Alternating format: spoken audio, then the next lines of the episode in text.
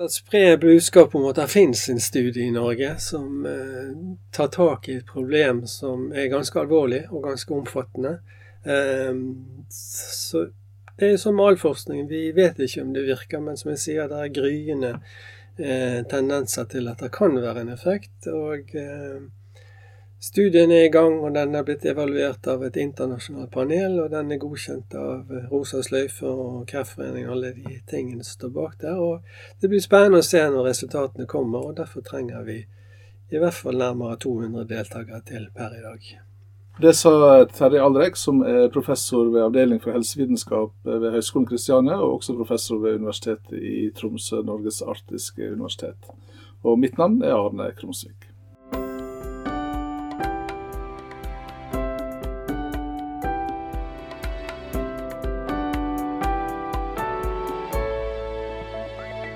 Ja, tematikken eh, som du spør etter, er jo da fatigue, eller det vi kaller kronisk tretthet hos eh, brystkreftoverlevere. Så vi har fått penger fra Rosa sløyfe, eh, som er et samarbeid mellom Kreftforeningen og Brystkreftforeningen. Eh, interessen min for fatigue er jo også, foruten å være forsker, så har jeg også en klinisk erfaring fra akupunktur. Eh, og har også skrevet noen artikler knyttet til folks erfaringer med, med behandlinger. Eh, det som har ja, fanget min interesse, det var nok det at var ikke alltid at vi hjalp dem så mye med altså Noen ganger at vi ikke kunne hjelpe dem med det de egentlig kom for. Men mange følte seg mer energiske og opplagt, og de sov bedre og følte at de hadde mer energi. Og de taklet bedre å være syk og hadde mindre sykemeldingsprofil og alt dette som vi snakker om. Um, så det gjorde at jeg da så ble det for noen år siden veldig fokus på fatigue eller kronisk trøtthet, ikke minst gjennom ME-problematikken som vi har hatt en del av i Norge. Men også da så, så man på mange ulike tilstander, eh, sykdommer, som der eh, trøtthet er underrapportert og ikke gjort så mye med. Det er også blant leddgiktpasienter, det er slagpasienter og mange andre også, som da opplever at det er en trøtthet som de ikke takler, og som da går utover livskvaliteten. Eh, så da begynte vi å interessere meg for det vi kaller for senskader blant eh, kreftoverlevere. Og da er fatigue den mest hyppigste av eh, de senskadene som, som man har dokumentasjon på finnes. Og Man tror også at den er den minst eh, rapporterte, og det er også den tilstanden vi for så vidt har få, om ingen, behandlinger per i dag. Da. Men det er et stort problem, fordi at man er jo frisk fordi at man er kreftfri. Men allikevel så opplever mange seg at de kommer ikke tilbake inn i jobb. De klarer ikke å fungere i hverdagen. Livskvaliteten går ned, og alle disse tingene som vi vet mye om. Eh, vi vet ikke helt om årsaken som ligger bak det, om det er selve kreftbehandlingen de har gått igjennom, eller om det er kreften i seg sjøl som har gjort at de får disse tingene. Ehm, så der er det et stort upløyd mark, for å si det sånn. og eh, man kan ikke slå i bordet med så veldig mye. Vi vet at trening kan hjelpe for noen, men vi vet også at det er mange som er så trøtte at de klarer ikke å trene. Ehm, og Derfor har vi tenkt litt innenfor erfaringer også med akupunktur på andre tilstander, at vi ser at folk får litt mer energi, og da får vi en sånn snøballeffekt. Når de får litt mer energi, så begynner de kanskje også å interessere seg for å gjøre litt trening. De kan gjøre andre tiltak så de kjenner at nå begynner det å få litt mer energi. Um, så det er vel bakgrunnen sånn generelt på det nivået der, at det har vært en interesse knyttet til dette med trøtthet både som et fenomen, men ikke minst også i, i og med Kreftforeningen. Alle legger veldig stor vekt på det. At vi har utrolig mange som lever godt eh, og er kreftfrie i dag, men de sliter litt med den senskaden, eh, kronisk tretthet. da. Hva som gjør at det har blitt underrapportert, tror du? Jeg tror jo en, en del av det er at både pasienten og kanskje også allmennleger ikke vet hvor de skal gå hen.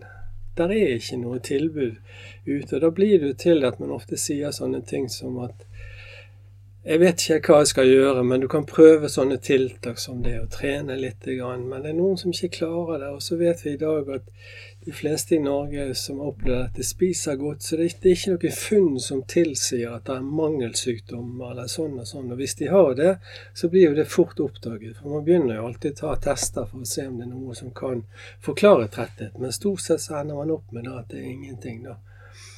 Man ser jo også i dag at går vi litt utenfor eh, landets grenser, da, så ser vi at både i Tyskland og ikke minst i USA så har flere av de store og anerkjente kreftsentrene i disse respektive landene også tatt dette inn over seg, sånn at de har begynt å ta inn da, enkle former for trening, der folk kan gjøre f.eks. tai chi, som er en veldig enkel, men veldig mild form for trening uten at du får så høy puls. Og så har man også begynt å ta inn mindfulness og yoga. Og da er det også gjort forskning på dette, sånn at vi ser at vi da kan si at vi har gryende bevis Dvs. Si at vi kan ikke slå i bordet med å si det. Og det gjelder også for akventur. da. Eh, I prosjektet vårt så har vi to samarbeidspartnere, eller to, tre eh, forskere da, som er tilknyttet to anerkjente kreftinstitusjoner i USA. Memorial Sloan Cancer Catering Center og Dana, Farber i Boston, det andre i New York. Og På disse stedene så bruker de allerede akventur fordi at de sier at vi har ikke så mye annet, så i den pakken de klarer å tilby, da, så går akupunktur inn som en liten del av det tilbudet. Og Der ser de da at de gjør det fordi at det er gryende bevis for at det kan hjelpe.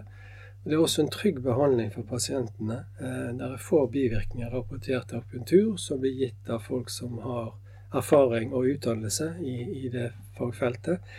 Og derfor så ser det, og det har også gjort det, at de begynte å se på mulige og potensielle forklaringer bak dette som kan peke i retning på at det er eh, grunner for at akupunktur kan virke. Hva er det som er grunnen? Det, det, er vanskelig å si, men det man ser igjen, Det er ikke noe sånn forskning som vi slår i bordet men noen har interessert seg for at man ser at eh, det er visse markører, biologiske markører som går på såkalt interleukiner, som kan være sånne inflammasjonsmarkører. Og Noen sier da at mange av de som har eh, eh kan ha en sånn lavfrekvent betennelses- eller inflammasjonsprosess, blir det mer riktig å si, prosess gående i kroppen. Så noen av disse brystkreftoverleverne og andre som sliter med trettet de har litt forhøyede verdier av disse såkalte interleukinene. Og da ser vi da at hvis jeg husker helt riktig, IL6 og 8 og 10, tror jeg det, hvis jeg ikke husker helt feil, eh, at de kan forandre seg etter akupunktur. Så noen tror at det er en antiinflamatorisk effekt da, i, i, denne sammenheng. Men det som blir mer og mer aktuelt, som man ser da, er at etter jeg også har snakket en del med disse brystkreftoverlevere, så ser vi at noen av de kan ha det vi kaller en en dysregulering. At et autonomt, det autonome nervesystemet som rusler og går hele tiden, skrur seg av når det skal, og skrur seg, når det, når det, skrur seg på når det skal, og av når det, det skal, det er jo en balanse som skjer ut ifra hva aktivitet du gjør. Ehm, da er det flere forskere som tror at kanskje mennesker som har gått gjennom en såpass stor påkjenning som det er for det, si, fysiologiske prosesser i kroppen, da, og både gjennomgå eh, og ha fått diagnosen kreft, og ikke minst da behandlingen etterpå, som er helt nødvendig, og som er helt på sin plass. Men det skaper da noen ting som man tror at dette autonome, det selvstyrende eh, nervesystemet vårt skrur seg på og blir stående der. Så det er en slags aktivering som skjer i noen av disse menneskene, eller disse pasientene, tror vi. Og Der har vi en del forskning som også tyder på at akupunktur kan hjelpe dette systemet til å komme tilbake igjen på rett vei. Eh, og Da ser vi at noen det er erfaring fra andre studier vi har gjort på akupunktur, at mange som har kroniske plager, får en form for aktivering. Og Det betyr at den delen av det autonome nervesystemet som skal gjøre det klart til å stikke av og løpe og alt dette, det såkalte sympatiske nervesystemet, det kan være at det er aktivert sånn at Kroppen klarer ikke å hente seg inn igjen. Så det betyr at når de hviler, så hviler de ikke dypt. De sover ikke dypt. Og disse tingene her, som er en av de prosessene vi tror eh, kan være viktig i forbindelse med kronisk tretthet. Og det er bare klart sånn, Dette er en type tretthet som ikke hjelper bare du sover. Det er, en, det, er en, type tretthet som påvirker hele livskvaliteten din. Så Derfor har vi i denne studien har vi da et mål på tretthet som er internasjonalt anerkjent. Det heter Chalders fatigue scale, som blir mye brukt da når man forsker på pasienter som har eh, fatigue-problematikk. Og Så er det også stor enighet om at det kan være andre ting som gjør at fatiguen opprettholdes. Og Derfor har vi såkalte sekundære eh, utkommemål. Og derfor, Der inkluderer vi sånne ting som angst og depresjon. Vi vet jo det at alle mennesker som gjennomgår store hendelser i livet sitt, kan godt slite med det i etterkant. så Derfor måler vi det.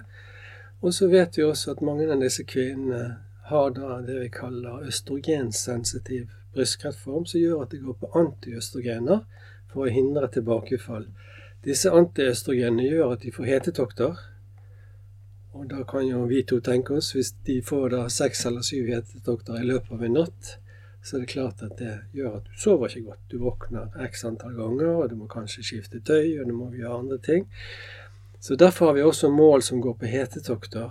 Og det er en egenregistrering der de selv registrerer hetetokter i løpet av et døgn. Og det gjør de da i 14 dager, og så ser vi hvordan det, dette kan forandre seg. Og I tillegg har vi da spørsmål som knyttet til søvn og søvnighet, for å se om dette kan forandre seg. Det er jo ofte sånn med kronisk tretthet så kan det hende at du sovner fort i situasjoner og steder der du egentlig ikke har lyst til å sove, mens du kanskje ikke sover godt om natten. Men, så Derfor har vi de tingene med. Og i tillegg har vi måler vi også smerter, fordi vi vet at mange av disse kvinnene får medikamenter som også kan gi en del leddsmerter. Så derfor har jeg også et mål på det. Og I tillegg har vi også et, eh, et livskvalitetsskjema som går akkurat på denne pasientgruppen, som er utviklet for brystkreftoverlevere. Der vi ønsker å se på om det er forandringer. Som i alle andre studier så vi da registrerer vi alt dette ved begynnelsen, og så har vi da en registrering like etter behandling, og så har vi da en registrering etter et halvt år. For å se om dette er potensielle effekter som holder videre enn avsluttet behandling. Hvor mange som deltar i denne studien? Ja, Det er litt interessant, for dette er en av de større studiene akkurat innenfor dette feltet. Det er gjort i en tilsvarende storstudie før, men vi har 250 deltakere. Eh, dette er det vi kaller det en pragmatisk randomisert kontrollert studie. og Det betyr at den ene gruppen får da eh, akupunkturbehandling i tillegg til det de ellers gjør egne tiltak. Og den andre gruppen gjør da bare egne tiltak alene. Da får vi svaret på hva kan en norsk kvinne forvente av forandringer hvis hun går til en akupunktør. Den forandringen inkluderer da potensielle effekter av akupunkturbehandling. Den inkluderer også potensielle placeboeffekter. Den inkluderer også råd som vi har gitt disse deltakerne i studien underveis. Så derfor har vi muligheter og statistiske metoder for å regne på dette, for å se om hva er det som slår ut på riktig måte. Hvis vi skulle laget en studie der vi skulle sett på hvor stor placeboeffekten, så måtte vi lage en helt annen studie. Men vi føler at denne studien svarer på et utrolig viktig spørsmål for norske kvinner som har denne tilstanden. Og da sier vi at ok, hvis du går til en akupunktør må vi ta litt på forhånd, men når vi en gang presenterer resultatene, hvis de er positive, så må vi si det. Hvis de er negative, må vi selvfølgelig også fortelle det. Men i hvert fall utgangspunktet er at dette designet på denne studien vi har laget, den gir svaret på hva kan en norsk kvinne forvente når hun går til en akupunktør. Og det er din pakkeløsning, for å sånn. Vi kan ikke gå inn og si at det er en liten del som bare er akupunkturdelen, en liten del av det, men det er summen av disse tiltakene som blir gjort. Det vi tenker også å gjøre i studiene våre, så vi er i en planleggingsfase, er at vi kanskje eh, skal få anledning til å ta ca. 40 eller mellom 40 og 60 av de siste deltakerne. At vi tar blodprøver av de, nettopp for å måle disse interleukinene som jeg snakket litt om i sted, for å se om disse biologiske markørene også forandrer seg. Og Det vil gi nok enda mer kred til studien vår. Men for at en sånn pragmatisk studie som jeg har beskrevet, når du sammenligner det folk kan gjøre sjøl, og så gir du akupunkturbehandling på toppen av det til én gruppe, så må den forskjellen mellom disse to gruppene også ikke bare være statistisk signifikant, men det må også være klinisk relevans. Det må bety noe for den enkelte deltakeren i studien at de kan si ja, jeg er blitt bedre sånn og sånn, og det har vi da et mål på hvor grenseverdien på dette går. da. Og I tillegg så må en pragmatisk studie av denne typen også vise til at dette er en trygg behandling. Så det gjør vi med å registrere potensielle bivirkninger i studien. Og så er jo norske helsemyndigheter interessert at hvis vi introduserer denne behandlingen, er det kost-nytte. Så derfor har vi en helseøkonom også med på laget, da, som skal regne på nytteverdien av å eventuelt introdusere akupunkturbehandling. Og der har vi selvfølgelig datamateriale som vi, vi henter inn i denne studien her, som kan bli brukt til det.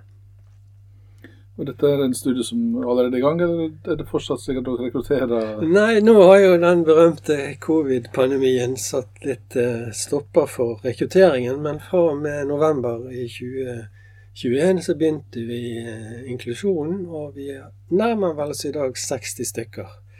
Eh, så vi har noen på venteliste også, men for all del spre gjerne budskapet om, om den studien. fordi at 250 deltakere. Det regnes da for å være en stor studie i akupunktursammenheng. Og det som har vært et av problemene innenfor akupunkturforskning, er at det har vært mange få studier, og da er mulighetene for å gjøre feil eller trekke feil konklusjoner til stede med disse små studiene.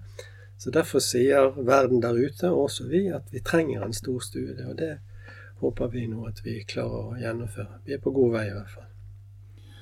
Kristian er jo eh, alene i Norge om å tilby eh, akupunktur som eh, høgskoleutdanning. Eh, og det har vært litt kontroversielt. Ja, det er jo det.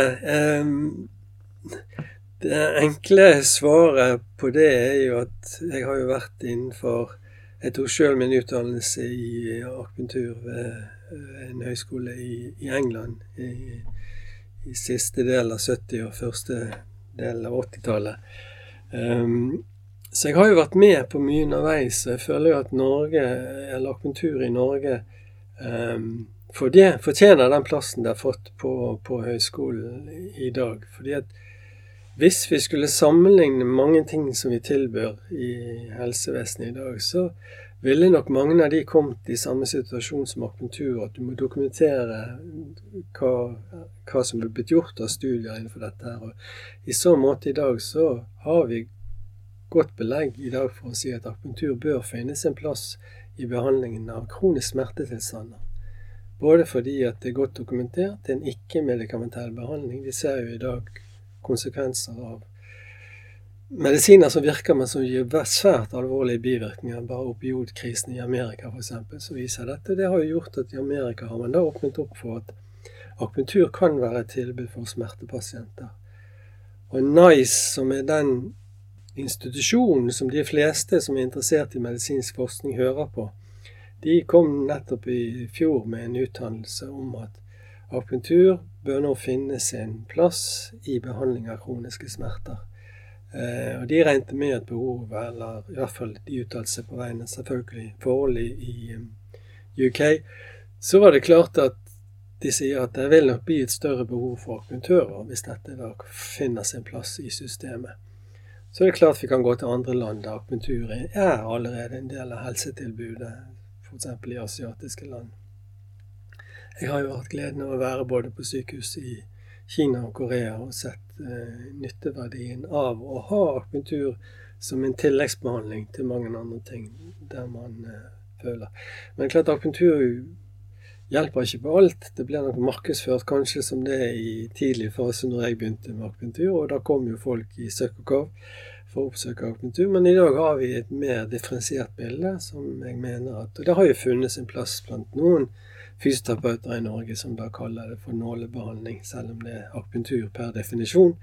Um, så det er det. Men NOKUT har godkjent det si, teoretiske grunnlaget, det faglige innholdet i dette, og har vel konkludert med at den uh, utdannelsen tilbudt på Høgskolen Kristiania, den tilfredsstiller de, de, kravene man har til dette i så måte. Og eh, jeg tror sjøl i har vært involvert i litt undervisning der siden 2011. Og jeg ser jo det at undervisningen, og ikke minst bruk av studentklinikk og tingene, er nok med på at vi utdanner mennesker som er, er skikket for den oppgaven de er tiltenkt å gjøre ute i samfunnet vårt. Jeg skjønte at det er ofte helsepersonell som tar dette her i tillegg til Ja, det var nok mer før, da. Fordi at um, Norske legers forening for akupunktur, de hadde også på ja, skal vi se, slutten av 80-tallet, 90-tallet, hadde de et kurs for norske leger da, som uh, strakk seg over x antall måneder. Jeg husker ikke det. Det var nok nærmere 1000 den gangen, tror jeg, sånn cirka, som, som, uh, som tok en utdannelse i akupunktur. Og hvis vi går inn i den tiden rundt midten av 80-tallet, 90-tallet, så var jo det flere akupunktører ansatt ved smerteklinikker også ved norske sykehus. Og vi har jo gjort spørreundersøkelser i Norge, og i dag så vet vi at hvis jeg husker riktig, 37% av norske sykehus tilbyr jo akupunktur i en eller annen form på sine sykehus. Da, og da er det ofte andre helsearbeidere. Det mest nærliggende eksempelet er jo da jordmødre som også har tatt et ekstrakurs ved Høgskolen Kristiania. Um, som da utøver akupunktur i forbindelse med, med, med, smertebehandling under fødsel. I tillegg så vet vi også at det er noen som bruker akupunktur som et tilbud blant flere andre i rehabilitering av kreftpasient, nei, unnskyld, av eh, slagpasienter. Bruker akupunktur blant, eh, blant eh, blant kreftoverlevere eller kreftpasienter er ikke så godt dokumentert, men vi vet det var et miljø ved St. Olavs hospitalet i, i, Trondheim for noen år siden som brukte da akupunktur i forbindelse med cellegiftbehandling. For det er rimelig godt dokumentert at akupunktur kan hjelpe på bivirkninger av cellegift. Og Da er det spesielt kvalme og oppkasten som reduseres. Så disse påstandene om at akupunktur ikke har dokumentert effekt, det må vi legge bak oss? Jeg tror jo det, altså. For gjennom disse årene jeg har vært, så har vi fått et nyansert bilde. Bare enkeltvis. Vi har jo da I Norge så har vi såkalte som det finnes innenfor medisin, kliniske retningslinjer, kliniske praktiske retningslinjer, som er laget av ekspertpaneler da, som har kjennskap spesielt til den sykdommen som eh, de skal vurdere klinisk praksis for. Um, og Der har vi i dag fem kliniske såkalte retningslinjer som inkluderer akupunktur. Uh, fordi at de, det er ekspertpanelet, og det er ikke akupunktører, det er vanlige medisiner som har gått gjennom dette her. Og de sier da at f.eks. innenfor uh, kjevelesmerter, temporal dysfunksjon som det ofte kalles, der er akupunktur et alternativ, blant andre ting som man kan tilby. Lave korsryggsmerter er også akupunktur ført opp.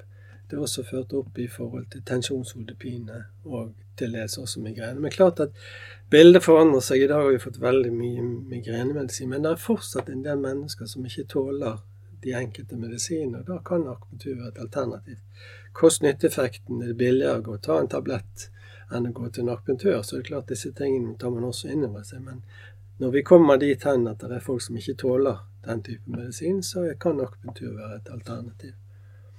Så igjen, ja, der er kommet en del. Men det er jo litt rart at akupunktur kanskje ikke har eh, den store eh, omtalen per i dag. Mens når jeg begynte med akupunktur, så var vi jo ofte i nyhetene. Vi var på TV 2 og alle disse forskjellige kanalene. Mens i dag så er det mye mindre. Og det skyldes nok ikke at dokumentasjon, dokumentasjonen er blitt bedre, så sånn sett så burde det vært Men det kan også være at det har innarbeidet en plass. At vi ser at akupunktur er en del, som vi sier. Der er sykehus som bruker det.